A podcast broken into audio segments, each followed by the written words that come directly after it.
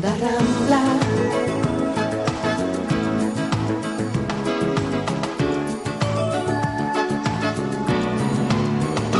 Onda Rambla.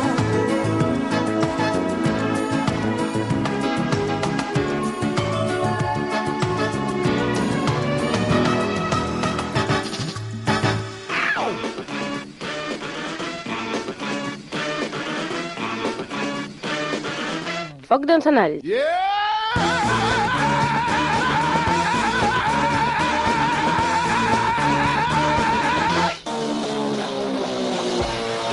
Diumenge 22 de febrer de 1998. Bona tarda i benvinguts al Foc d'Encenalls. Un carnestolta sonora amb multitud de disfresses humorístiques. Sovint la realitat sobrepassa la ficció, i si no, fixin-se en el títol d'un film anomenat Conspiración en la sombra, que tracta sobre operacions polítiques a les més altes instàncies presidencials. El sona l'argument? Potser l'adaptació espanyola d'aquesta pel·lícula la farà tot un acadèmic que sap moltes més coses que l'ABC d'Ari. El motiu pel qual el senyor Anson, o Anson pels amics de la vella guàrdia, el motiu pel qual deia sembla haver-se tret la careta, o si més no la perruca, podria ser que estava a punt de fer-se públiques unes cintes comprometedores pels conspiradors. I és que, ja se sap, Espanya va bien, però a quin preu? Reprendrem el fil de l'actualitat cultural visitant un museu molt especial pels animals de la nit. Cristina Crespo ens en farà 5 cèntims al Cròniques Arsianes. Els urbanites, animals vinculats a les ciutats de l'asfalt, sempre tenen l'oportunitat de canviar d'aires. El Centre Excursionista de Catalunya és una via de sortida cap a la natura. En parlarem en conversa oberta amb Enric Nosàs. Si Néstor Arranz té alguna virtut, aquesta pot ser que no passa mai desapercebut allà on va. I el seu pas per Hollywood no ha deixat indiferent als americans, perquè ja s'estudia una dura llei contra els paparazzi. Les espurnes del foc d'encenalls encendran, com sempre, Miranda Sandoval, actriu de fulletons venezolans. Bona tarda, Miranda. Buenas tardes. ¿Qué tal? Est- Estoy cansadísima. ¿eh? Estas fiestas están siendo muy pesadas para mí, ¿eh? Sí, ¿Me vieron ayer en la, en la cabalgata? ¿Van a la rúa, vostè? Eh, sí fui, sí fui. Doncs no la vaig Estaba veure. presidiendo una carroza yo. Doncs miri, això Con és mucha difícil, pluma. però no la vaig veure, no la vaig veure. Saludem a l'Antonio Vinuesa, lampista de Badalona. Bona tarda, Antonio. Hola. ¿Cómo estamos? Molt bé, vostè? Bueno, estoy muy contento. Carnavales en Tenerife se están celebrando de forma muy bonita. Y pues estoy muy feliz. Sobretot per algun resultat eh, futbolístic. Ah, no, no me refería a eso para nada. Ya, no, ya. no había pensado. Saludem també mossèn Alfons Amadreta, que avui ha vingut disfressat de Buster Keaton. Mossèn, com és això?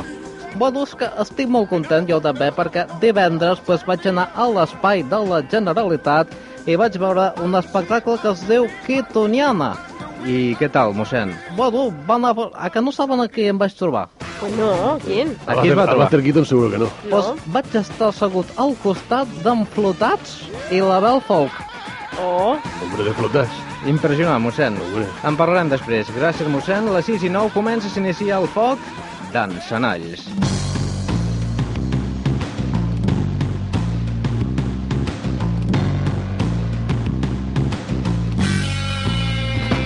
Cròniques arsianes. L'espai que intenta, eh, d'alguna manera planera, eh, distesa i desenfadada, com diria un eh, bon doctor d'aquest programa, captar tota l'actualitat cultural d'aquest país dels 6 quilos, que és Catalunya. I com sempre, tot reportatge té un nom, en aquest cas el de Cristina Crespo. Bona tarda, Cristina. Bona tarda. Què tal? Molt bé, molt bé. Avui parlem... mm, Abans de dir de què parlem, ens vols fer una endevinalla. Ah, jo pensava que la faries tu, però si vols, doncs la faig jo. No, fes-la tu mateixa. Vinga. Diu, estudiant que estudies filosofia, quin és l'ocell que té pits i cua? Uy, esto... Antonio, vostè que és Hombre, expert en la matèria... Es a una, si... eso, el- el o sea, pit, sí. si tiene Peter, será una pájara. Él es experto en lo Una del pit. pájara. Él es experto en lo del pit, pero yo soy experta en lo de la cua, ¿eh? Hay que decirlo, ¿eh? Ah, bueno. Acabadat, eh, mira. Hombre, que tú no lo dijiste. eh, de la cua de qué? Del paro será, ¿no? Sí. Pues, no, com no sigui una mula, No, no, no, no, no, sembla que no. Qui, No. qui és? És el ratpenat. El ratpenat. I per què, i per què parlem de ratpenats precisament? Doncs parlem de ratpenat perquè el, fins al dia 5 d'abril es presenta al Museu de Zoologia de Barcelona una exposició sobre els ratpenats. Perquè, a veure, són moltíssims els tòpics que hi ha sobre aquests animals. Llavors, què pretén aquesta mostra? Doncs trencar una mica amb, amb aquests equívocs, diríem. oye, no? oye, ¿y eso de Spitz? ¿Qué pasa? ¿Que tiene Pitch el rap penat? Clar, perquè és mamífer. Ah, es que yo tengo un amigo que esto de rap, rap penat se pensaba que es porque tenía pene. ¿Entiendes? Sí, sí, rap sí. Ja, Se ja. que era un monstruo. Le dije, no, hombre, no, esto es... I l'amic era vostè mateix. No, no, no, no, no. eh, mi amigo está escuchando ahora, Ya. o sea que con lo que tú le cuentes, pues seguro que se le van a despejar todas las dudas. Escolta, Ja. filla, hi ha rats penats i rates pinyades, oi? No, és el mateix. Ah, és el mateix? Que hi ha molts noms. Es Son lo mismo, travestis, padre. son travestis. Es lo mismo, padre, esto.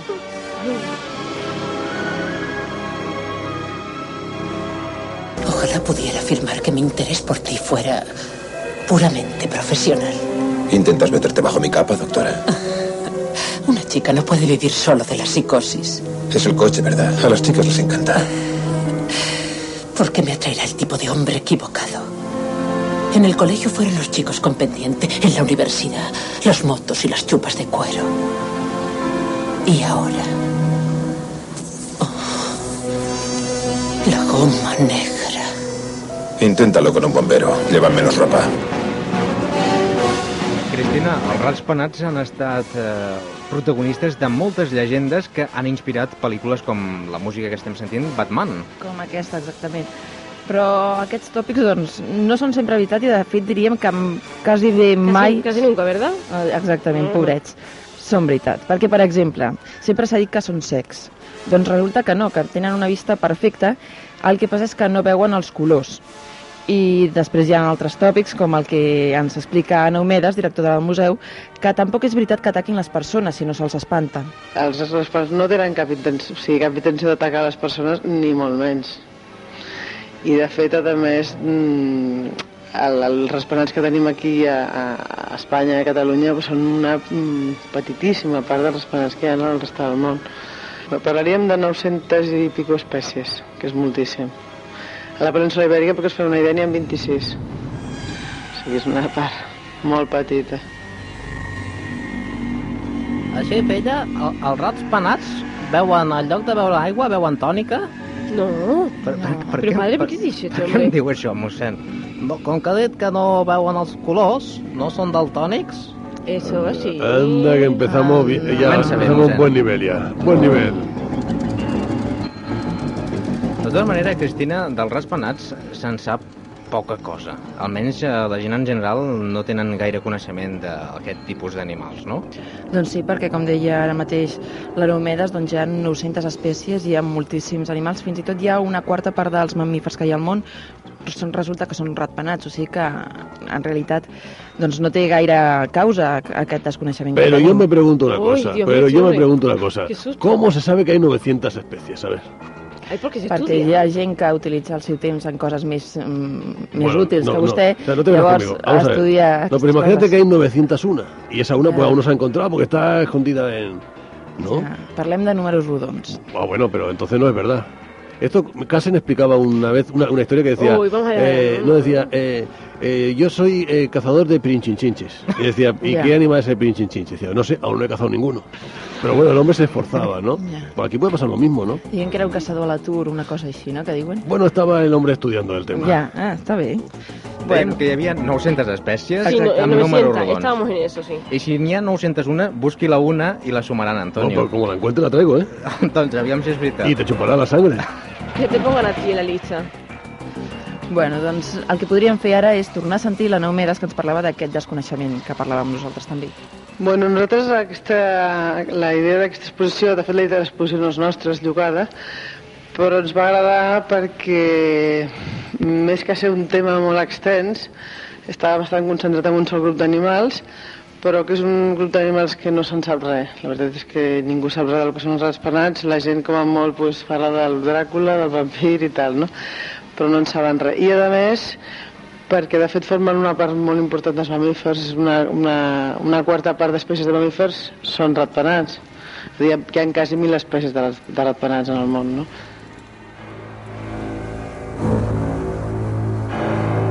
Jo, a- al llarg dels meus 84 anys, he sentit moltes expressions, però això de que les idees es lloguin, no ho havia sentit de mai. Bueno, Esto se hace, padre. tantas cosas ah, no habrá visto. Ahora se alquilan muchas cosas, Yo, yo quise dejar aquí en el aire una idea para Miranda, por ejemplo. A ver. Ahora que es carnaval y tal. Tú Sí. te podrías disfrazar, no de rata piñada, sino de vaca piñada. Porque como tienes michelines hasta entre los dedos, pues parece que tengas como las alas estas, ¿no? Este- Tú eres asqueroso. No, no. Así directamente, tú eres asqueroso. Bueno, yo soy asqueroso de palabra, pero tú de obra. Ah, sí, ya. Cristina, és veritat que hi ha alguna relació entre alguns reis catalans i el món dels raspanats? Doncs sí, fixa't si són importants que fins i tot estan en la història de la conquesta de València. Ay, cuenta, cuenta, Eh? cuenta. Diu, la llegenda diu que quan Jaume I estava doncs, assetjant la ciutat, un ratpenat se li va posar damunt el casc. I que com que aquest animal era el símbol de la vigilància, es considerava que era un avís per recordar que calia tenir l'ànim despert i així van aconseguir conquerir València. Ah, por eso el escudo de Valencia tiene ahora un murciélaguín en el Eso Eh, escudo. eso es, de ahí viene la cosa. Fíjate qué cosas se aprenden, Has ¿eh? vist, eh? Muy bonito. Però amb jo quan penso en rates penyades o rats penats, sempre penso en, en Dràcula. Claro, es que es Clar, inevitable. Perquè és la llegenda més gran que hi ha sobre els A mí, ratpenats. a mí me resulta muy, muy excitante el tema este. Ui, mare. Uy, uy, uy. Hi ha alguna teoria per què s'associa aquest animaló amb la llegenda? Teoria no hi ha molta, i si ens fixem en la història real en què es basa realment, veurem que és ridícula. Si voleu, la sentim. Escoltem-la. Mm, Hi ha moltes espècies, per exemple, de cactus a Mè- a Mèxic que només es menja el nèctar als raspenats. Per tant, només poden pol·linitzar si van raspenats a menjar-hi. Després hi ha un, un altre grup molt petit que té només 3 o 4 espècies, que són els vampirs, que són els que s'alimenten de sang, són molt, molt petitets i viuen a Sud-amèrica. O sigui, aquí no n'hi ha ni a Europa, ni a Centre-Europa, ni enlloc. Normalment mengen, la, beuen sang de, de cavalls, de vaques, tot això, doncs foten potser 3 o 4 gotes de sang, que és el que, és el que són molt petitets, però medeixen 3 o 4 centímetres. Eh, o sigui que això és el gran, el gran vampir, és això, de fet, no? Bienvenido a mi morada. Entre libremente por su propia voluntad y deje parte de la felicidad que trae. ¿El conde Drácula? Yo soy Drácula. Quina, quina poca tenc Uy, avui. eh, me estoy, me Sí. estoy, como dicen ustedes. Aquest ja era bastant més gran que el ratpenat de, de Sud-amèrica. Per, perquè, a part dels cavalls, les mules també les ataquen? També. Ay, padre, vigile, Las eh, vacas y cosas. A ver si la morderá usted debajo de la sotana y vamos a tener que liarla aquí. El que, el que ens explicava era que no es pugen al coll, com, com es diu sempre, que el que fan és arribar pel, pel terra, llavors es pugen a la cama de la vaca o de l'assa o del que sigui, Ay, qué cosa. sang. Siento una cosa con los pies ya. Que son- estoy como subiendo las piernas para arriba. Sí. Córtate las uñas o algo y no se tira nada por los pies. En Qué- fin. qué- qué desagradable ¿Que son este tontos o qué? sí. O sea, tienen alas y llegan por el suelo. Sí, perquè són discrets. Es que son muy Ah. chiquiticos. Llavors, si Ya, no veuen... Son muy chiquiticos. Como los pilotos de Iberia, Exacte. que también llegan por el suelo antes de volar. Veu, veu? Fíjate Claro. És el Bien, mateix. bien, bien. Escolta'm, Cristina, hi ha diferents espècies de raspenats? Doncs sí, a part de, bueno, com ella ens deia, a part dels vampirs hi ha aquest grup de ratpenats que, que són imprescindibles per la reproducció de la vegetació en algunes zones d'Amèrica, perquè són els, els encarregats d'expandir el pol·len mentre estan volant, i després hi ha uns que són com bastant més grans i que estan només als territoris tropicals, que aquesta és la sort que nosaltres tenim, que només estiguin allà, perquè si voleu escoltar com són, doncs no, no seria gaire fàcil que estiguessin aquí. Hi ha un grup de ratpenats que mengen fruits. Són ratpenats que creixen molt, poden, poden arribar a medir doncs, un metro trenta d'envergadura, és a dir, de punta a punta de l'ala, i aquests són tropicals totalment, no? S'alimenten de fruits tropicals. Aquests tenen molta importància ecològica perquè disseminen les llavors dels fruits. Miranda, vostè que ve d'un país Estoy- tropical sí, pero deu estoy, estar pero estoy con boca batata, como dicen ustedes, ¿eh? I perquè en el seu país, a Venezuela, també eh, hi ha certa por en aquest tipus d'animals? Bueno, vampiros hay en todos sitios, eso Fíjate es verdad, tú, ¿eh? metro- Estos que chupan la sangre metro muchos. treinta. I de tota manera també, a Metro més. 30 es el diámetro de, de tus caderas, ¿no? Casi. ¿Y de más, tus- más o menos. ¿Y el de tu cerebro? No hay suficiente medida. com el dels vampirs. No hay Sí. medida suficiente aquí para medirlo. Però tots els, tots els rats penats aquests són tan grans? No, hi ha molt petitets i per sort els que tenim a Europa també són bastant més petits i bastant més inofensius. La seva mida, però, no, tampoc li els impedeix perquè tenen un, un sistema de localització quasi perfecte, o sigui que no impedeix que siguin perfecte el seu organisme. No? Si voleu saber com és aquesta, aquest sistema de localització, ho escoltem. I el quart grup és el que tenim aquí, a Europa, que són els que, els que mengen insectes, que surten de nit i que tenen tots aquesta cara tan rara precisament perquè eh, tenen un sistema, diguéssim, de radar incorporat. El que fan és, ells emeten uns sons de, molta, de freqüències molt altes que nosaltres no podem sentir, aquest so rebota contra els obstacles i amb aquestes orelles tan grans que tenen capten aquest so. I llavors el que fan és veuen o sigui, de fet el que capten és l'eco d'aquest so i amb aquest eco poden saber a la distància que està a l'insecte el que maneja l'insecte i a més quin tipus d'insecte és Antonio, an- una cosa, Antonio, tú también puedes captar esto de las ondas estas, ¿no? Lo digo por las orejas. Y a las orejas, sí. ¿No? En fin. No, hombre, no, esto no es que son murciélagos GSM. GSM, Se lo captan todo. Ai. Escolta, filla, aquí estan parlant de rats penats per tot arreu, però aquí, per aquí, als voltants nostres també n'hi ha. Eso, també, també, sí que n'hi ha. Sí. Per això potser hem vist en tothom, sempre algú, ha vist algun o ha sentit dir que, que ha vist algun. A la península ibèrica, les zones on hi ha més és el Cantàbric i a les Canàries, sobretot al País Basc i al Navarra, el Cantàbric. Però Catalunya doncs, tampoc es queda enrere, sobretot la província de Barcelona, que també es veu que hi ha Puc molt. explicar una cosa molt ràpid? Bueno, Bueno. Ràpido, bro. Si és, si és molt ràpid, mossèn, sí. Bueno, és que jo, de fet, quan era petit, feia entremaliadures, no? I allà on anava a estiuejar, que era per allà a Lleida, doncs hi havia una cova que hi havia animalons d'aquests, no? I de tant en tant, doncs, els nanos que anàvem a la colla en caçàvem un. I ja que no sap què fèiem. Ai, Déu meu. Una sotana. Se hacía usted una sotana con No, no. las alas. Què, què feia, mossèn? Bueno, una cosa que no està gaire bé. Bueno, dígala, dígala, no es con la intriga ahora.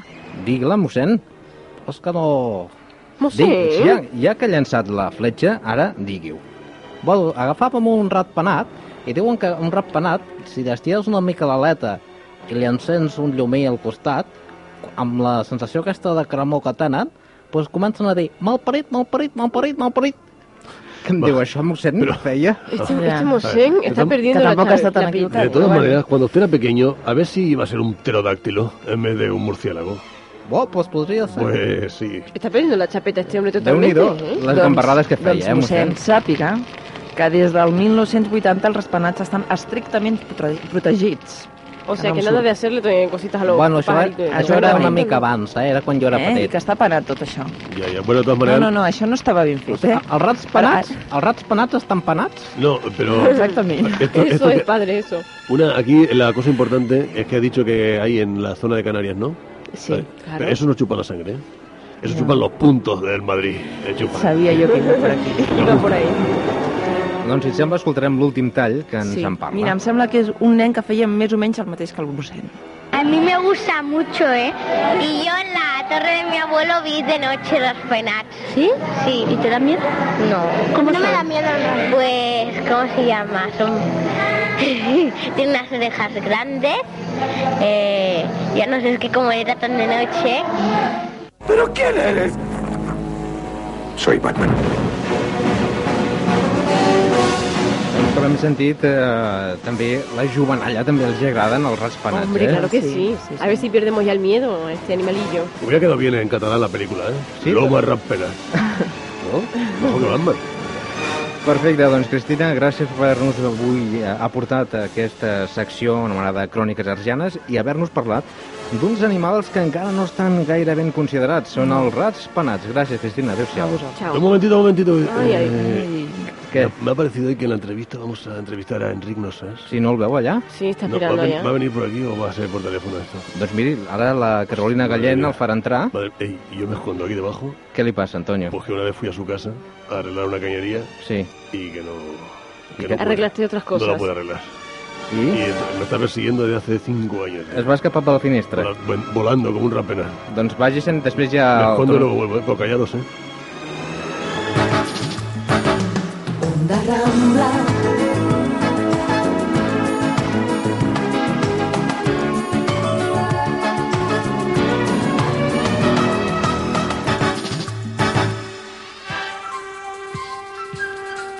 hi ha entrevistes que semblen més un concurs que no altra cosa. Y empezamos con una pregunta facilita. Por 200 pesetas, ¿nos puede usted traducir al castellano Fuck Densenais? ¿Cómo, cómo? No es que, perdone, pero es que me- este teléfono no funciona bien. Bueno, pues yo le repito la pregunta, pero esta vez solo por 100 pesetas. Tradúzcanos al castellano Fuck Densenais. ¿eh? Que digo que por 50 pesetas que nos traduzca Fuck Densenais. Oiga, a ver esa voz que yo la oiga mejor, es que no la cojo bien, ¿eh? Mire, que le doy 5 duros si me traduce Fuck Densenais, ¿vale? Bueno, realmente... la pregunta para que yo la coja mejor? Es que ya le digo, el teléfono este es un desastre, ¿eh? Foc d'encenalls, clar i català. Es que no, es que no cojo bien lo, lo que me quiere decir, señorita, perdone, pero no...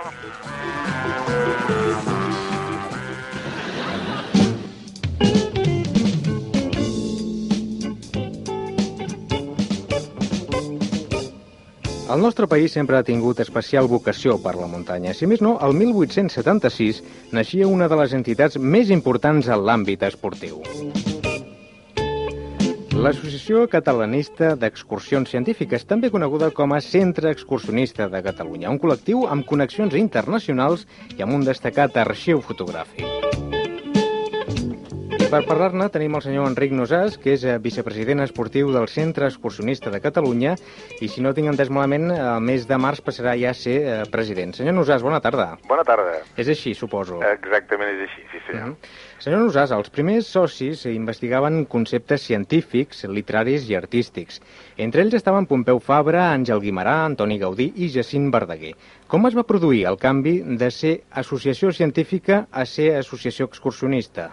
Pensem que en el 1876 l'excursionisme tenia una faceta cultural importantíssima i que era una manera com una altra, era una espècie de, de, de, de fòrum de cultura popular i l'excursionisme tenia una, una, una, una perspectiva amplíssima des del punt de vista de formació.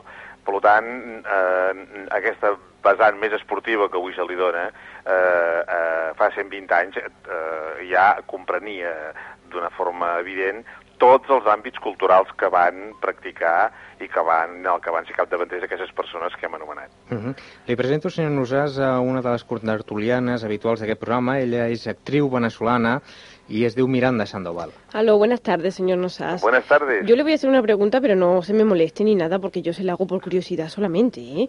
¿Cómo es que ustedes se deciden a, pus- a, a, pujar, a subir una montaña cuando después luego la tienen que volver a bajar? ¿Esto no les da pereza? Miri, el, el, hi, ha una, hi ha una resposta en aquesta, en aquesta pregunta que va donar eh, un important escalador que va ser el que va fer la primera ascensió a l'Everest. I quan li van preguntar, i per què va pujar a l'Everest vostè? I la contesta va ser, perquè està allà. Eh, eh, no, no es pot donar una resposta eh, de, de tipus pragmàtic o de tipus pràctic en aquesta pregunta. Ja. Les muntanyes estan allà i es pugen. aquesta seria la resposta. Es curioso esto, ¿eh? Sí, sí. Un altre dels contertulians encuriosits per aquest tipus de temàtiques és el nostre mossèn Alfons Amadreta de la parròquia de Sant Joan de Vilatronada. Endavant, mossèn. Bueno, sí, bona tarda, senyor Nosàs. Bona tarda, mossèn. Bueno, jo li he de dir que a més sempre m'ha agradat molt això de la muntanya, no? Però trobo que és, és un xic cansat, també. Recordo un dia que em vaig esgotar, literalment, quan després de pujar allà a l'Àfrica un cim d'uns 3.000 metres, però resulta que em vaig descuidar la bandera a baix, en el camp base. I clar, llavors vaig tenir de tornar a baixar a baix i després tornar a dalt a pujar la bandera, no? Per què sempre s'acostuma a fer aquest ritual de posar una bandera?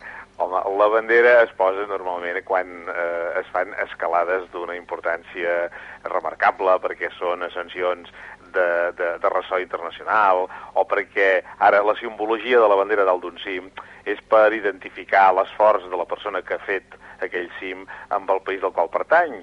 I, i en aquest, aquests senyals d'identitat avui dia són importants, com ho han sigut sempre, i crec que és bo mantenir-ho, però sempre que sigui un cim que, evidentment, valgui la pena. Perquè, escolti'm, l'Everest és un dels cims que més gent hi ha pujat. Suposo que de tantes banderes que deuen haver deu semblar les Nacions Unides, allò. El que passa és que l'Everest són uns vents tan, fa uns vents tan forts els vents monsònics, els premonsònics i, i postmonsònics, que jo diria que de banderes no en deuen quedar gaires. Algun tros de ferralla potser sí, però no, a, a 8.800 metres d'alçada eh, li asseguro que les banderes que deuen haver allà deuen ser ben comptades, encara que cada any n'hi posin. Mm, Señor Nosas, ahora que ya le voy a hacer la segunda pregunta, pues ya le puedo llamar de tú, ¿no? Te puedo tutear, ¿verdad, Enrique? va, Hombre, estas cosas, es que me gusta a mí más. ¿Con qué secciones contáis vosotros en el centro excursionista? Con, con, amb les seccions Secciones, que secciones, sí. Mireu, hi ha, hi ha dos tipus de seccions, que són les esportives i les culturals.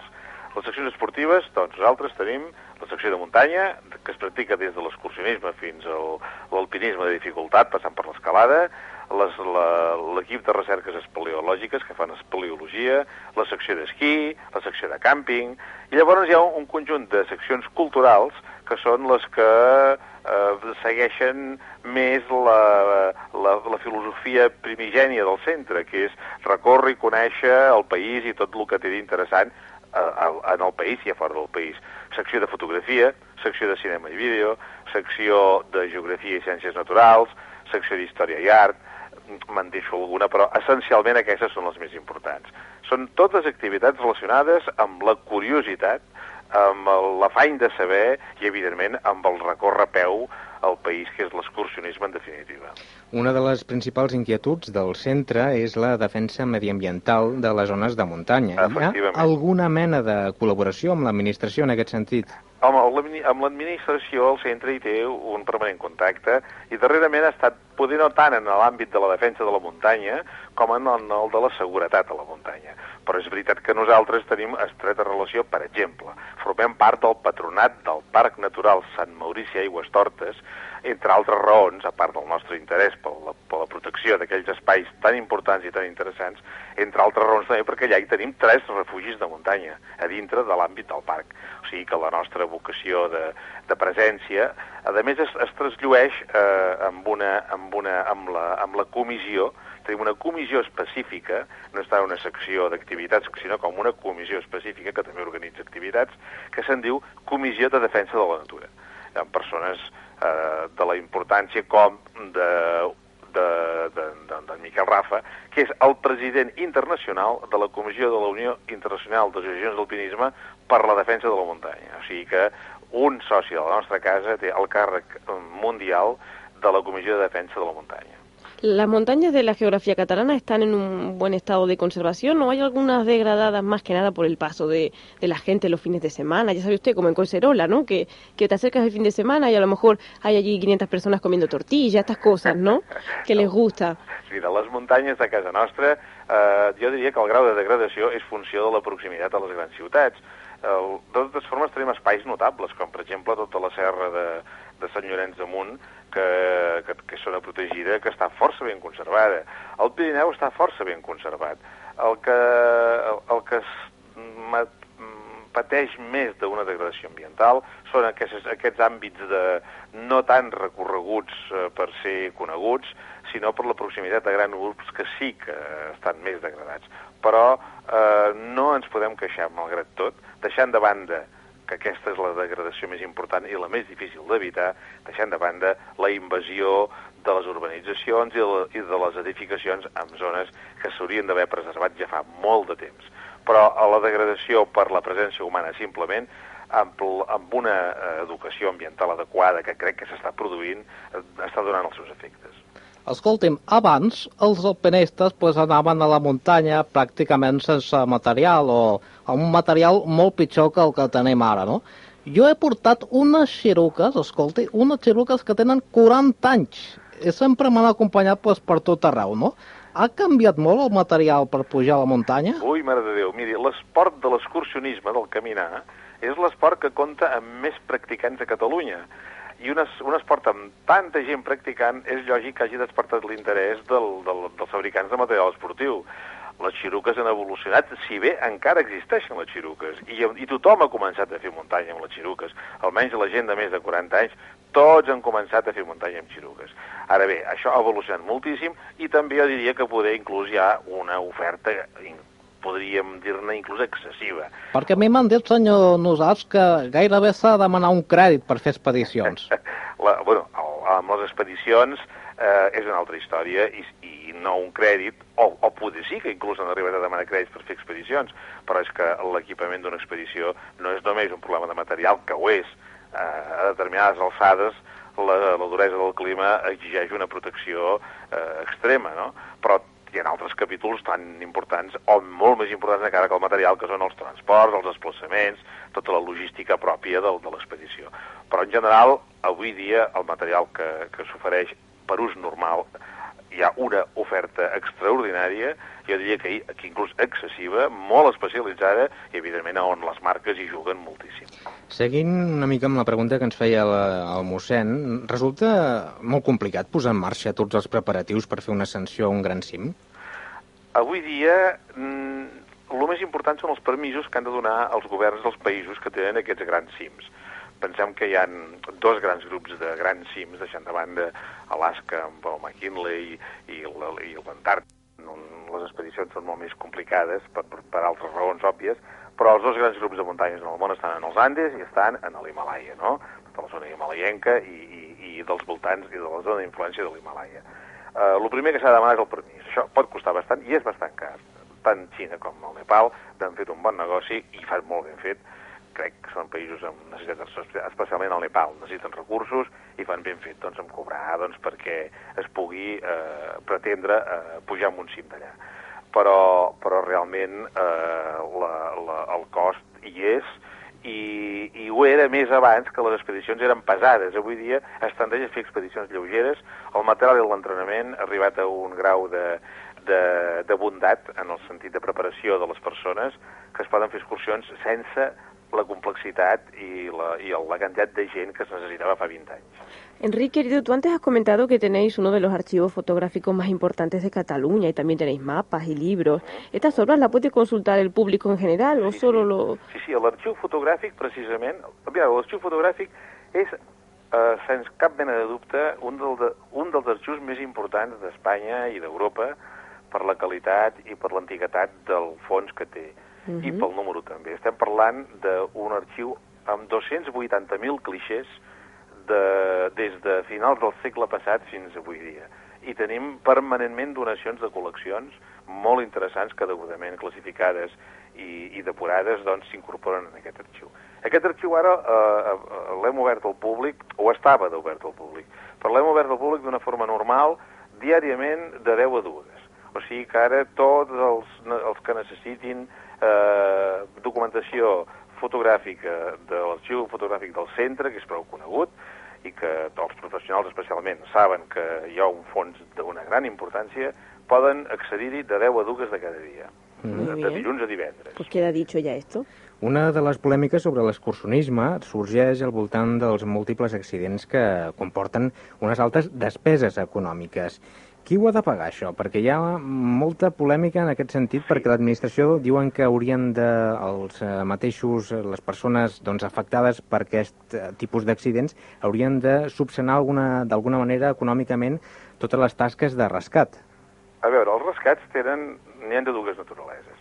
Uh, hi ha el rescat de la persona que habitualment no surt de fora i que se l'ha d'anar a rescatar, i hi ha la persona que habitualment fa muntanya i doncs, que també doncs, si se l'ha d'anar a rescatar, doncs el que aquesta persona que va, fa habitualment muntanya hem de procurar que tingui és una assegurança, una assegurança que, que, que existeix, i en aquests moments les federacions tenen aquestes assegurances, que cobreixen l'import del rescat en el cas de que s'hagi de produir. El que és difícil és que aquest tipus de rescat que, que pot beneficiar amb una persona no habitual eh, a la muntanya doncs, eh, tingui aquesta assegurança prèvia, per tant, eh, aquesta assegurança seguirà sent un cost per la societat. De totes formes, pensem que amb això hi ha criteris molt diferents. A França, les assegurances, eh, perdó, les, els rescats no es paguen. A Itàlia i a Suïssa sí. És a dir, jo diria que és més una decisió política que una decisió lògica. El que eh, una decisió, diríem, d'ordre tècnic, no? Jo crec que a Catalunya estem molt ben preparats en, en temes de rescat. Tenim un magnífic equip de rescats eh, al cos de bombers de la Generalitat i que, i que el fet de que es pagui o no es pagui a través del beneficiat del, per al rescat és més una decisió de la Generalitat de posar-ho en marxa. De totes formes, deixi'm dir que si el, el, la possibilitat de ser cobrats els rescats ajudés a que no hi haguessin tants accidents perquè la gent s'ho pensés dues vegades a, determinar, a fer determinades activitats, amb això sí que hi sortiríem guanyant. Llavors, hi estic d'acord. Si l'efecte és aquest, hi estic d'acord. Perquè, senyor Nosàs, vostè eh, sabrà perfectament que eh, gran part d'aquesta polèmica ha sorgit també per la certa imprudència d'alguns eh, doncs, excursionistes, alpinistes, digui com vulgui, que no tenen gaire experiència i acostumen a fer accions doncs, eh, no gaire responsables. Bueno, miri, el, el, el, el fet és de que cada dia surt més gent a muntanya, cada dia és més fàcil aproximar-se en els cims del Pirineu amb dificultat, eh, per tant, el, la probabilitat d'accidents o de situacions d'emergència eh, eh, eh, incrementaran perquè el, a major número de practicants major, major número també de probabilitats d'incidents. No? I també pensem de que hi ha moments puntuals en el que la coincidència de dos o tres accidents doncs, crea aquesta sensació. Jo crec que no ens hem d'alarmar massa que crec que eh, la prudència o la imprudència dels, dels practicants vindrà més donada, molt més donada per la preparació que rebin i, pensi que nosaltres, en aquest sentit, tenim una escola de muntanya en el centre que és la que creiem que és el camí correcte, és a dir, sensibilitzar la gent mm, a través d'una formació adequada per acostar-se amb un món, la muntanya, que per exemple, a l'hivern és un món hostil completament i que si gira el temps es pot convertir en una autèntica trampa. Això és el que hem de procurar mm, fer que la gent tingui present, consultar el part meteorològic i tenir la formació adequada. I això, amb una escola de muntanya que funcioni i amb gent preparada, això es, es pot anar difonent. Però, repeteixo, el, a major nombre de practicants, mmm, desgraciadament, major nombre de probabilitats de que hi hagin accidents. Después de los incendios que hubo a principios de los 90, ¿los excursionistas han ayudado a reforestar las montañas catalanas de alguna manera? Home, hi ha hagut accions puntuals en aquest sentit. Eh, les, a Montserrat, per exemple, hi van haver-hi actuacions puntuals després dels incendis que van tenir lloc en els anys 80. Ara bé, eh, la massa forestal a Catalunya és superior ara a el que era fa 50 anys, per exemple. És a dir, curiosament, tenim la sensació de que es perd massa forestal. No és així hi ha hagut una repoblació forestal poder no del tot encertada, però la, la, la, la repoblació forestal a Catalunya és un fet. El que passa és de que eh, l'activitat la, pròpia de repoblació forestal, més que correspondre al món excursionista com a tal, hauria de correspondre, això sí que correspon als poders públics, que és qui han de determinar a on i quan convé fer repoblació. Uh -huh. Senyor Nosàs, als anys 60 es relacionava força l'excursionisme amb el cristianisme català oposat al Frente de Juventudes feixista. Quin era l'ambient que respirava en el centre excursionista? Més que una oposició entre dues tendències, mm, diríem, almenys per la part dels, dels moviments cristians, eh, eh, el que va haver-hi és un intent l'any 39 de que el Frente de Juventudes efectivament capitalitzés i, i de fet, va, com va fer ja en molts casos, eh, arribés a, a, a prendre possessió del patrimoni de moltes entitats i parlaria ara de la Federació de Joves Cristians de Catalunya o parlaria d'entitats de, de, de, obreres eh, organitzades al voltant d'activitats per jovent que van, eh, es van incautar literalment de, de, de, de, del seu patrimoni. En el centre vam tenir sort en aquest sentit perquè va haver-hi prohoms catalans que en aquell moment van poder plantar cara en els poders fàctics, eh, diríem, que van, que van ocupar Barcelona just l'any 39 i van poder aturar que el centre passés a formar part d'aquest tipus d'incautacions. Per tant, el centre, amb, amb, amb una bona part de sort per un costat, i perquè algunes persones, magnífiques persones, van saber donar la cara en el moment que tocava, va evitar passar per aquest, per aquest mal trago. O sigui que va ser respectat. Però bé, va ser més una actuació d'evitar de, un, un, un, una malifeta, per entendre'ns, que no pas una, una oposició de dos, de dos, de dos mentalitats eh, diferents o extremes, perquè eh, en realitat, tot i que el centre mai ha sigut procliu a cap dels tipus de, de, de feixismes que, que, que, han, que han anat des de la seva fundació que ha anat visquent Catalunya, eh, jo crec que, el que lo- de lo que es tractava, més que de fer- de fer-ne una bandera, de lo que es tractava era de conservar un patrimoni i això es va aconseguir. Acabarem amb una darrera pregunta que tindrà l'honor de fer-la la Miranda Sandoval. A ver, eh, Rick, antes de acabar, dime cinco cosas imprescindibles que hay que llevarse para ir prevenido a la montaña, para que no nos pase nada. Cinco coses. Cinco, venga. Cinc coses. En primer lloc, això no s'ha de portar, això s'ha de saber. La previsió meteorològica. Ah, bueno, escuchar la radio, que eso siempre va haver, haver, saber perfectament, i sobretot si es va a alta muntanya a l'hivern. La segona cosa és un bon calçat i eh, eh, mitjons de recanvi a la motxilla per evitar aquelles coses que passen quan el calçat es mulla i... La tercera cosa, eh, informació cartogràfica de, eh, i, i si pot ser amb comentaris previs d'algú que ho conegui de la zona que es va a recórrer. Uh En quart lloc, s'ha de saber el telèfon de, de Catalunya, que en aquests moments aquí davant no el tinc, em sembla que és el 061, el telèfon que tenim a Catalunya per socors. Vull dir, la facilitat Ja. de telefonar en, el, en els equips de rescat de la Generalitat és evident i s'ha de saber aquest telèfon per un cas d'emergència. I la cinquena cosa és una enorme dosi de sentit comú. És, Ay, pensaba que ibas a decir de chocolate, como siempre es tan necesario. Jo diria que el sentit comú eh, i, la, i la mentalització omple tots els buits i totes les llistes que puguem donar. Ja. Perfecte, doncs Enric Nosàs, vicepresident esportiu del Centre Excursionista de Catalunya, gràcies per atendre la nostra trucada i per divulgar una mica més el que és el Centre Excursionista de Catalunya. Moltes gràcies a vostès. Adéu-siau, bona Bona tarda. tarda.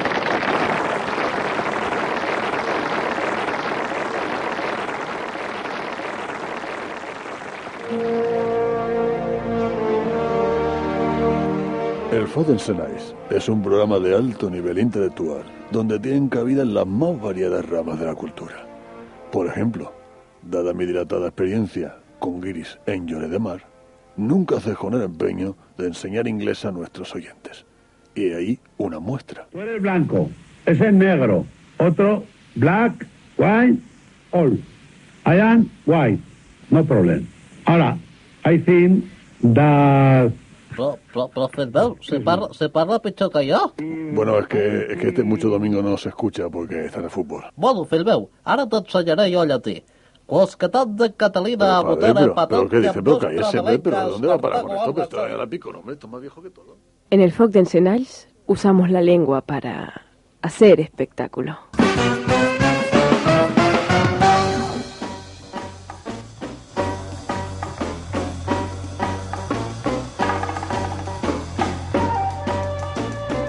Gairebé 47 minuts sobre les 6 de la tarda, 11 graus aquí a la Diagonal de Barcelona.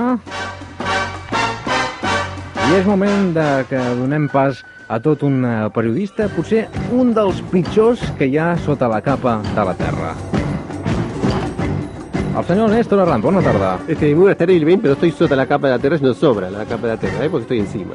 Por cierto, eh, Mar, dile ya a Antonio que salga debajo de la mesa porque me está viendo, me parece, lo que no tiene que mirar. Sí, Antonio, Estoy aficiado, ¿eh? vostè, Estoy aficiado. després d'haver-se amagat, doncs el senyor Enric Nosàs també ha volgut perseguir-lo i per això s'ha marxat també de l'estudi i hem tingut de fer l'entrevista a través del seu telèfon mòbil. Mejor, mejor, mejor. Lo que pasa es que si llegas a ver algo antes, ¿eh? porque estaba ahogado aquí, ¿eh? A ver si te lavas, ¿eh, amiga? Qué desagradable No, bueno, eres. bueno, tú sí que eres Oh. desagradable. Que no fem la pregunta, boi. Eh, Un momentito, yo todavía no me presenté, ¿eh? Va, faci la presentació de rigor. Desde los occidentales... de Esperi, onda- esperi, Desde los, esperi. Jordi, torna a posar la música perquè aquest home es presenti de com cal. Bueno, venga, va. Vamos a poner la música. Ahora. Desde los estudios centrales de Onda Rambla Barcelona, emitiendo en cadena para todas las emisoras de Onda Rambla Cataluña, como se ve en las cabinas telefónicas, este Radio Onda Rambla en Girona, en Lleida, en Tarragona, en el centro y tal. Les saluda, les quiere, les besa a su amigo Néstor Arranz. ¿Te gustó cómo quedó? Ha quedat bonic i Ha quedado eh? perfecto. Te presentas muy bien, ¿eh? Me presento muy bien. Sí, sí. Soy muy presentable. En qualsevol cas, Miranda Sandoval, plantegi la primera pregunta. Venga, la primera pregunta. Los murciélagos tropicales, ¿cuánto llegan a medir de punta a punta del ala? Una Esto pregunta Lo hemos dicho, ¿eh? que l'hem dit al llarg de les cròniques arsianes. I la segona pregunta, Una fa pregunta, una referència... pregunta sucia. O no? Bueno, pero suena No, sucia. no, no para nada. Miri, la segona pregunta, mossèn, fa referència a vostè. A mi? Sí, diu, què li va passar al mossèn quan va anar a un cim de l'Àfrica? Ay, esto lo sé yo ya. És una anècdota que ha explicat el mossèn al llarg d'aquesta entrevista amb el senyor Enric Nosàs. Molt fàcil, eh? Hombre, xupada. I sàpiguen tots els oients que truquin en el 93 410 60 68 93 410 61 68 que tenen eh, doncs, dues invitacions per anar a veure aquesta obra que fan al Jove Teatre Regina anomenada Lo Peor, Lo peor. i que la, la posa en funcionament, la, la representa el grup Acadèmica Palanca. 93 410 60 68 93 410 61 68. Endavant, Arranz. Bueno, pues esta semana vamos a empezar hablando de, fíjese usted qué cosa tan curiosa. No, resulta que ya se sabe que Media España ve la película de Canal Plus, eh, la película X, la ve a través de las rayitas estas, ¿no? Bueno, resulta que hay personas que se han hecho famosas por estar detrás de rayitas, ¿no? Y no precisamente Maradona con sus rayitas de, de coca y tal, sino una chica que se llama Sonia Monroch, porque es catalana, pero ella se hace llamar Sonia Monroy, porque queda así como más... eh, Aquesta, Ah, sí, aquesta chico bueno. és, és la del Romario. Esta está impresionantemente buena. Ay, qué comentario, Antonio. impresionantemente buena. No va ser, no va ser nòvia del Romario? Esta sí, dijo que iba a ser mamá. Esta ha sido novia de todo el mundo, ¿no? Esta- esta es la Sonia Monroy. Sí. Hola Sonia, ¿qué tal? ¿Cómo estás? Menuda peras que tienes también. Bueno, este, vamos a dejarnos de tonterías y vamos a hablar de esta chica. Esta chica que últimamente está siendo muy famosa porque la, la están entrevistando en muchos programas, ha salido en cueros en, en la revista Interview hace un par de semanas y esas cosas. Con un traje de cuero. No, con un traje de cuero, no, con su traje de cuero. Con ah, su traje con su de cuero. traje, ¿no? Ya. Pues sí, salió eh, despelotada. Bueno, pues esta semana se la ha visto así como de forma muy cariñosa, que bueno, hasta ahora pues no sería nada, in- nada de otro mundo. No, porque... Pero la persona que estaba al otro lado de sus morritos y su anatomía era José Apeles de Santolaya. Ah, no, no me lo creo. El padre Peles? El No padre me lo Apeles. creo. Esta es mentira. Pero si se llevaban muy mal, si eran enemigos. A Sí, muerte. bueno, bueno, bueno, bueno, enemigos, pero la verdad es que, que Ya. el padre de Apeles se, se cabrea rápidamente, ¿eh? Solo me he enfadado cuando me han hecho alguna acusación grave de algo que es casi delictivo. En algunas ocasiones se me ha acusado de ser un extremista político, incluso de pertenecer a un grupo nazi. I, i ara l'acusen d'anar amb una noia. Sí, bueno, más que acusarles que ha habido unas fotos, ¿no? Unas fotos de 10 minutos. Però això pot ser real? Pot ser real, Antonio? Vostè, vostè Pero- que... yo- Esto no, se no, lo no. tendríamos que preguntar La, a Rosén, la ¿eh? Sonia Monroy es casi irreal, ¿eh? Sí? Porque esas cosas no se encuentran uno cada día. I la Ranz en pensa? Bueno, yo creo que esto es un montaje, porque ya saben ustedes que Apeles eh, pues eh, fracasó, fracasó con Rosito en su en su programa televisivo. Entonces, bueno, hace hace ya como unos meses que está fuera del, del número uno, ¿no? Y él necesita pues eh, estar ahí arriba, ¿no? Ja, ja, ja. Saludem a la Sandra, que ja fa estona que s'espera a l'altra banda del fil telefònic. Sandra, bona tarda. Hola, bona tarda. Què tal, com anem? Bé, Des d'on ens truques? des de Barcelona. Jovencita, ¿verdad? ¿Eres San- Sandra Bullock? No, Pero seguro que estás también con ella. no. Bueno, bueno, bueno. Tú di bueno, que bueno. sí, no seas tonta, hombre. Molt bé, No Sandra. nadie, ¿eh? Aviam si respons correctament a les dues preguntes. La Miranda Sandoval, què ha preguntat exactament? Tú no sé si te acuerdas de que si los murciélagos tropicales, ¿cuánto llegan a medir de punta a punta del ala? ¿Te acuerdas tú o no? Sí. A ver, Eh, ¿Un metro y medio puede ser? Puede ser. De Deixem-ho així. Lo apuntamos Després, acá l'altra pregunta que fa referència al mossèn, què li va passar al mossèn quan va pujar a un cim a l'Àfrica? Que quan va arribar a dalt es va donar que no tenia la bandera. Ah. I llavors què vaig fer, filla meva? Doncs vas tornar a baixar. Vaig tornar a baixar o vaig tornar a pujar? Vas tornar a baixar per agafar la bandera. Molt bé, Sandra, gràcies per trucar-nos. Vale. A reveure. Un beso. Qué simpática, ¿eh? Recordem que hi han dues entrades per anar a veure aquest espectacle al Jove Teatre Regina, que es Lo diu peor. Lo Peor, d'Acadèmica Palanca. Anem amb més temes, Arranz. Bueno, pues eh, Leticia Sabater parece que está enamorada. Dice que la primera vez que nota un no sé qué, que le sube y que le baja y esas cosas, ¿no? Uy, pero esto a lo mejor no es enamoramiento, es otra cosa. Sí, eso debe ser la silicona que se puso en todo el cuerpo. ¿eh? Por ejemplo. Bueno, pues eh, esta Leticia dice que está que está la cosa así un poco enganchadita de Oscar Gil, que es, es, El hijo es- de, es el hijo de Don de mi Jesús. amigo Jesús. Es el hijo de Don Jesús, ¿no? Aquell que tu li feies classes, Antonio. Sí, el de Yo White, Tú Black, Sí. All, Viva la, la Virgenita. Sí, sí, sí. Aquel, aquel. Bueno, pues eh, esperemos que la cosa sea esté bien, se case Leticia y se retire del mundo de la televisión, ¿no? Entonces, pues todos Pues eh, sí. saldremos ganando, ¿no? Molt bé, Maria, bona tarda. Hola. Com anem? Molt bé, i vosaltres? Doncs mira, anar fent que tot distreu. Sí, ja ho De, des d'on ens truques? Tu, eh? I si, I si a més podem distreure-us a vosaltres, doncs millor que millor. Home, i tant. La Miranda, pobreta, em fa pena, perquè des de luego la tenim... A que sí, a que me tienen aquí arrinconada y me tratan más mal. Si la vieras no te daría pena, te daría asco. Ni caso, María, ni caso. Maria, des d'on ens truques? Sí, des de Gràcia. des de Gràcia. Aviam si saps les respostes. Anem per la primera. Quan poden arribar a medir els rats penats? Un metro i mig, heu dit, un metro trenta. Molt bé. I després la segona pregunta que fa referència al mossèn. Què li va passar quan va pujar un cim a l'Àfrica? El pobre es va deixar la, la, la bandera Sí? i la va tindre que tornar a buscar. Perfecte, Maria, gràcies. A vosaltres, adeu, bona tarda. Adeu. Adeu. Qué simpática María, me gusta. Antonio, saludi. Hombre, Maria Antònia, Hola, bona tarda. què tal, com estem? Molt bé, i vosaltres? Pues bueno, anem aquí fent, aguantant el tipus. Aneu fent, aneu bé. Anem fent, anem fent. Escolta, Maria Antònia, sóc el mossèn. Hola, bona tarda, mossèn. Com anem, filla meva? Doncs pues molt bé. Ja m'han dit que vas anar a veure el Manolo Escobar eh, la setmana Ah, passada. pues sí, em va agradar molt, eh? Que vas anar amb la teva sogra. No, la meva Amb la mare. teva mare. Musén, ¿usted controla a todos los oyentes o qué? Que por- porta un dietari que han tot apuntat. Sí, eh, este hombre No, que és control. que, és que a mi em fan confessions. Haurem de vigilar, eh? Sí, eh. És que el mossèn- se le cuenta al mossèn. eh. Tot ho sap el mossèn. Maria Antònia, Mal que era el Manolo Escobar, no? anem per les respostes. Anem per les respostes. A ver, la primera. A veure, les ales, mm, més o menys sobre un metre i mig.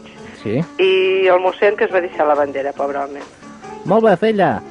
Adeu. Chao, María Antonia. Arranz, nova notícia? Bueno, pues ustedes se acuerdan de Sofía Mazagatos. Sí, nos acordamos de momento. Pues sí. no vamos a hablar de Sofía Mazagatos para nada, pero vamos a hablar de, de un antiguo eh, flirt, ligue, eh, no sé, persona que se lo hacía con ella, que es José María González de Caldas, ¿no? ¿Qué le pasa a este hombre Pues ahora? este hombre se le está viendo bastante arrimadito a una compatriota suya, eh, que es eh, Ivonne Reyes. Ah, bueno, porque se le vea. Por cierto que Ivonne Reyes eh, se ha tatuado, supongo que de, de estos que, que luego te lavas y se van, se ha tatuado entre los pechos Por cierto una, que yo también una me tatué. rosa. Yo también me tatué. Pues no se ve nada, ¿eh? Debe estar entre los pliegues, ahí bien metido, ¿Qué- en, qué- en el interior. Este hombre se- tendríamos que tapar la boca a este hombre, ¿eh? Pues sí que van fer servir pintura. Para la esta, ¿no? Sí. Para Para la Ivonne Reyes. No, para ti. No, para mí no. Este, bueno, pues ahora que dice esto de, de tapar la boca, los que se tapan la boca son Michael Jackson y Lisa Presley. ¿Y eso? Pues eh, se, se dan besitos, pero se dan besitos a través de una máscara. Ah, mira. Y están allí los dos eh, y se ponen la máscara para que no... No sé, para que no se le traspúen sí, las sí. cositas, ¿no? Cállate un momentito que voy a saludar a Elena. Elena, buenas tardes. Hola, buenas tardes. ¿Cómo estás, querida? Pues muy bien, mira, ¿Sí? aquí pasando el ratito con vosotros. ¿Y desde dónde llamas tú? Llamo desde la Meridiana, Desde desde, la aquí Mer- de Barcelona. Muy bien. ¿Y tú sabes la respuesta a las preguntas que hemos dicho o qué? Bueno, creo que sí. Sí, a ver, venga. ¿La de los raspenats qué? Sí, pues tiene- pueden llegar a tener una envergadura de un metro treinta. Muy bien. ¿Y lo del, lo del Mosén? ¿Qué le pasó? Sí, Pobre hombre. bueno, Porque es que este hombre lo que no le pasa a Mosén es algo que... muy típico en él, Sí, ¿no? ¿verdad? Que no, le- lo que no le pasa a él no le pasa a nadie. És que sóc una mica despistat. Sí, no, bastante. Efectivamente, sube a la cima y se le olvida la bandera. Así Fíjate. que le toca bajar, recoger la bandera y volver a subir, claro. Como lo Es lleva- una tontería ya más grande. la bandera como debía. Claro, como, no, como no lleva nada debajo de la sotana, pues no pudo tener aquí sustituto. Gràcies, Helena. Venga, bien, adéu-siau, un beso. A veure, Néstor Arranz, i vostè també, Antonio Vinuesa, els agrada especialment una actriu nord-americana, rosa, que va fer una pel·lícula que es deia Instinto Básico? Bueno, a mí me gusta el triangulillo, que se le ve en la, o sea, en la película, ¿sabes qué? El triangulillo de la, de la falda y tal. Y a mí me gustan las peras que tiene, que Ya. son importantes. que son los dos. Que son importantes. Qué desagradable son Bueno, supongo que. Bilbeni eh, nos ha introducido a este tema, igual que esta bonita música de la película, porque Sharon Stone se ha casado. ¿no? O S'ha sea, ca- s'ha casat aquesta filla? se ha casado, está... Bueno, això està bé. Hizo una ceremonia muy bonita, ¿eh? Bueno, me lo han contado a mí, más que, míos. más que bonita, fue, fue un poco, un poco, eh, ¿cómo diría yo? Un poco en secreto, ¿no? Porque resulta que, bueno, ella pues eh, envió unas eh, invitaciones a sus amigos y tal, Ajá. entre, entre los cuales estaban pues Antonio Banderas, por supuesto, no podía ser de otra manera, ¿no? Estaba Quincy Jones, esta gente famosita. Entonces le dijo, eh, vamos a hacer una fiesta para San Valentín y esas cosas, vosotros venís por aquí y, y vamos a tomar aquí pues unos sándwiches de pan bimbo y esas cosas, ¿no? Pero en realidad cuando estaban todos allí pues reunidos, ya se, la gente ya se olía algo porque habían cortado la carretera de acceso a su mansión y tal. Pues eh, resulta que dijeron, bueno, ya que estáis aquí, pues nos vamos a casar. Ah, pues mira, pues muy bien. Entonces ¿no? dijeron, bueno, pues, pues venga, ¿no? En vez de jugar al trivia, pues nos casamos. Entonces se casaron y estaban todo el mundo allí felices. Y comieron perdices. ¿Y con esta música me dejáis Entonces- que haga una cosa o no? Por favor, no sea desagradable. Déjame que haga una cosa con esta música de fondo. d'espullar, ara. Un No, pero quiero saludar al único hombre que ha llamado de momento hoy. Víctor, buenas tardes. ¿Víctor? ¿Sí? Hola. Hola. ¿Estaba despistado? ¿Qué te pasó? No, no, no, se he dicho hola. Ah, bueno. ¿Desde dónde llamas tú, querido? Desde el Eixample. Desde la Champla, pues muy bien. Y tú sabes la respuesta, seguro, ¿no? Sí, creo que sí. A ver, estuviste atento. Los murciélagos tropicales, ¿cuánto miden Pues de...? un metro y medio. Metro y medio. ¿Y lo que le pasó al Mosén? Pues que Bien. tuvo un problema. sí. ¿Problemilla que le pasó Sí. a este hombre? Se olvidó la bandera y tuvo que bajar para... A recogerla, para ¿no? sí, para Bueno, pues lo apuntamos aquí y está, lo tenemos en cuenta, ¿eh? Mm. No te preocupes. Molt bé. Víctor, gràcies. Un abrazo. Gràcies, a reveure. Que tienes que terminar diciendo que al marido de, Sharon Stone, que es eh, Philip Bronstein, le conocen como el macho. Antonio, ¿no será usted? Hombre, a mí me conocen como el hipermacho. Ya. Gràcies, Miranda Sandoval. Venga, chao. Gràcies a l'Antonio Vinuesa. Venga, hasta luego. S'ha descuidat el canari avui. Sí, hoy me he dejado en casa, pero cualquier día esto vuelve, ¿eh? Gràcies també a Ranz. Venga, muchas gracias a ustedes. Adiós. I gràcies també a el